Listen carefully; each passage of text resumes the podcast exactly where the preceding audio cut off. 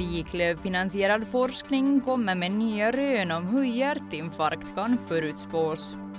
Många nya tjänster ska skapas vid OHS, men det finns samtidigt en oro bland personalen. Och det blev villkorligt fängelse till en man som körde berusad och krockade med en annan bil. Det är rubrikerna i Ålandsnytt onsdag. Felicia Bredenberg i studion.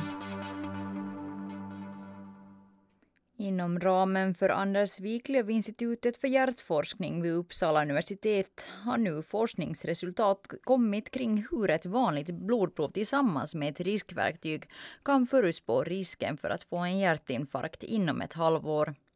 I studien har man letat efter mekanismer i kroppen som är aktiva månaderna innan en hjärtinfarkt. Johan Sundström, professor i epidemiologi samt kardiolog vid Uppsala universitet, är ansvarig för forskningen och han berättar att de har samlat in europeisk hälsodata från personer som var hjärtfriska vid hälsoundersökningen, men som några månader senare får sin första hjärtinfarkt. då kunde vi analysera 1800 blodprover då, i deras blodprover för att försöka se vad är det som försiggår i blodet månaderna innan en hjärtinfarkt. Vi hittade ungefär 90 olika molekyler som var kopplade till risken för att snart få en hjärtinfarkt. Molekylerna finns i olika biologiska förlopp. Det kan till exempel vara inflammation eller bindvävsomsättning, men också andra saker som forskarna redan innan hade på känn att de skulle vara aktiva strax innan en hjärtinfarkt. Men en hel del fynd var helt nya också. Så vi tror att vi kommer kunna lära oss ganska mycket om vi börjar djupdyka bland de här fynden då kommande forskning. Det som var intressant som vi också kunde göra i det här projektet var att eh, vi försökte då bygga en riskekvation för att förutspå en, hjärtinfarkt. Och eh, då visade det sig att eh, det gick ganska bra, så det var ju goda nyheter. Så nu finns det ett sätt att med hjälp av några enkla variabler då, stoppa in dem i en ekvation och ta reda på om man har en risk för att snart få en första hjärtinfarkt.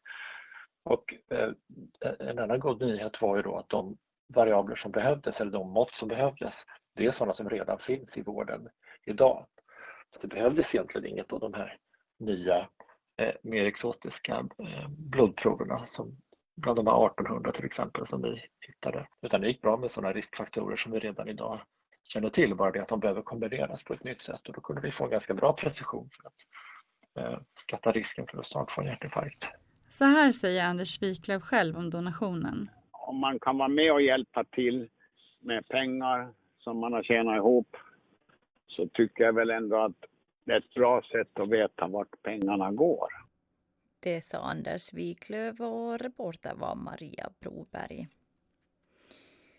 Under våren kommer så många som 70 nya ordinarie tjänster att skapas på OHS. Det är en följd av den nya tjänstemannalagen som begränsar möjligheten att anställa personal på viss tid. Syftet är att förhindra upprepade visstidskontrakt och diskriminering av visstidsanställd personal. Men samtidigt innebär lagändringen en övergångsfas då OHS inte kan bevilja deltid eller tjänstledigt lika frikostigt som förut. Personal på OHS skriver till Ålands Radio att det kokar på arbetsplatsen och att ingen som inte har lagstadgad rätt till det nu får jobba deltid, vilket är tärande för personalen. Men det kallar Therese Åsgård, avtals och lönespecialist på OHS, för ett stort missförstånd komplicerat och många pusselbitar som ska vara på plats. Och innan alla de är på plats så har vi då varit tvungna att vara lite restriktivare eller inte kunna ännu ge besked om hur det blir och i vilken omfattning man kommer att kunna jobba deltid från till exempel hösten. Men det, det är inte så att det kommer att bli ett förbud mot det. Men kanske inte så heller generöst och frikostigt som det har varit hittills. Det är tungt att jobba treskift och heltid inom vården, skriver tipsaren till Ålands Radio. Och det är inget Åsgård sticker under stol med. Men lagändringen förpliktigar och ställer nya krav på OHS personalpolitik på gott och ont. Tack vare att inte vi har haft den här begränsningen hur man får visstidsanställa personal har det också vi har kunnat ta in visstidsanställd personal frikostigt. Vi har kunnat gå otroligt mycket individuella önskemål till mötes. Från allt från att jobba 10 timmar per vecka till att jobba 35 timmar per vecka. Och det finns oändligt många kombinationer inom det intervallet. I slutändan ska ändå arbetet resultera i att fler får en ordinarie tjänst istället för att ha korta kontrakt. Therese Åsgård. Allt det här syftar till att det ska bli bättre för personalen. Väldigt många av dem som har varit visstidsanställda kommer att ha möjlighet att ha en ordinarie anställning vid OHS. Det sa Therese Åsgård, avtals och lönespecialist på OHS. Reportrar Heidi Grandelsonk och Rasmus Karlsson. En man i 75-årsåldern döms av Ålands tingsrätt till villkorligt fängelse efter att ha kört berusad och krockat med en annan bil. Det var i oktober 2023 som mannen körde längs med en gata i Mariehamn med minst 1,79 promille alkohol i blodet. Under färden skrapade mannen i en annan bil som stod parkerad.